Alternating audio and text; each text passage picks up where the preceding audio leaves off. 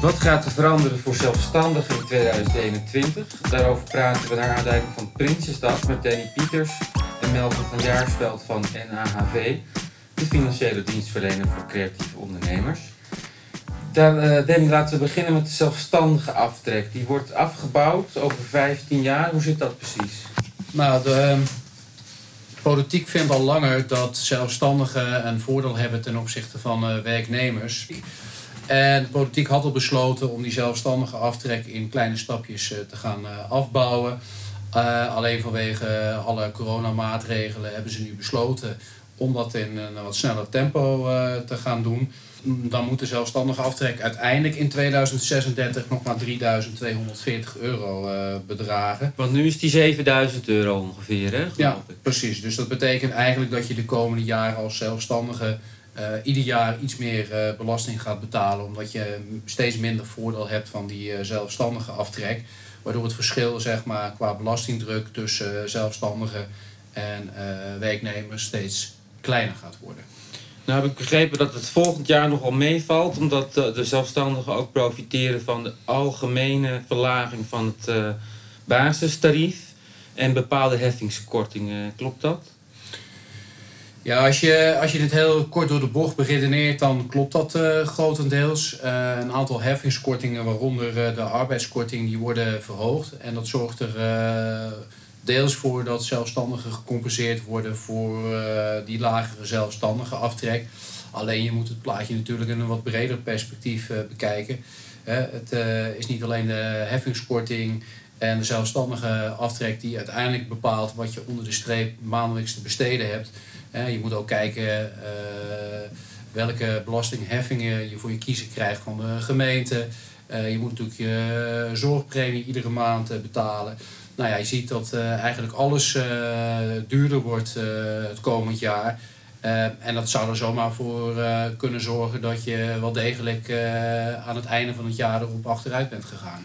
Ja, want op de site van de Rijksoverheid staat Jantje is zelfstandig en verdient 40.000 euro per jaar. En gaat er toch nog 490 euro per ja, op vooruit volgend jaar. Ja. Ondanks die verlaging van de zelfstandige aftrek. Maar jij denkt dat dat een iets te rooskleurig uh, beeld uh, geeft? Nou ja, we weten allemaal uh, dat al die coronamaatregelen geld hebben gekost. En nou ja, dat geld moet uiteindelijk weer terug naar de Rijksoverheid of naar de gemeentes. Dus dat betekent dat zowel de Rijksoverheid als de gemeente aan de knoppen gaat draaien. En dat betekent ook dat de, de, de lokale lasten hoger zullen uitvallen het komend jaar. En dat betekent ook dat mensen netto minder overhouden in hun portemonnee aan het einde van de maand. Ja, duidelijk. En waarom wil de overheid dat eigenlijk zo graag, hè? dat verschil tussen werknemers en zelfstandigen verkleinen? Nou ja, um, in Nederland hebben we veel te maken met uh, schijn zelfstandig, uh, zelfstandigen. Um, en die schijnzelfstandigen die uh, profiteren natuurlijk van al die fiscale voordeeltjes, terwijl ze eigenlijk gewone werknemers zijn. Nou ja, dat levert oneerlijke concurrentie op, want aan het einde van de maand heeft die werknemer minder over om leuke dingen te doen dan die, dan die zelfstandige. En dat is de politiek al een tijdje een doorn in het oog. En dat is ook de reden dat ze die voordeeltjes voor zelfstandigen verder willen afbouwen. Het is alleen zo uh, dat die zelfstandige natuurlijk ook zijn eigen verzekering voor arbeidsongeschiktheid moet regelen. Hij moet zijn eigen pensioenopbouw regelen. Dus dat er een verschil is qua belastingdruk tussen werknemers en zelfstandigen, dat is natuurlijk ook logisch. Alleen ja, dan maken maar heel weinig zelfstandigen gebruik van. Ja, dan is er ook geen rechtvaardigheid meer om dat verschil te laten bestaan tussen werknemers en zelfstandigen.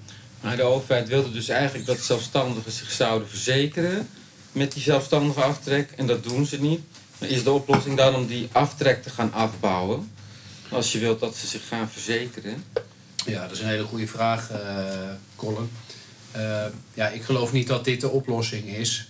Uh, we zullen altijd zelfstandigen blijven houden in, in Nederland. En als dat echte zelfstandigen zijn, dan zal dat ook geen probleem zijn.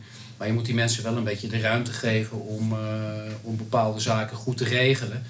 Ehm, nou ja, dan kan je er beter eh, eh, eh, naar eh, zoeken dat je oplossingen hebt waardoor je eh, zelfstandigen dwingt eh, om zich voor dat soort zaken gewoon goed te verzekeren. Ja. Eh, Melvin, we hadden het net al over de troonrede. Het lijkt wel alsof de overheid alleen maar cadeautjes uitdeelt. Je kan bijna niet geloven hoe mooi het is. Het moet ergens vandaan komen, of niet? Hoe zit dat volgens jou? Ja, nou Colin, dat vind ik een hele goede vraag. Als je de troonrede bekijkt, inderdaad, is het, eh, lijkt het stiekem toch veel positiever dan een hoop mensen de afgelopen maanden hebben ervaren. De lockdown vanaf maart, eh, heel ZZP rond Nederland kwam tot stilstand. Eh, eh, de horeca gaat dicht, nou noem het allemaal maar op. Eh, en toch lijkt het wel alsof er een bodemloze put in Den Haag ligt waar een, een, heleboel geld uit vandaan getoverd weet te worden. Ik weet niet hoe dit, ja, hoe, hoe dit voor het komende jaar gaat, gaat zijn. Maar ik begrijp dat er al een begrotingstekort is van 7% voor het eerst in jaren.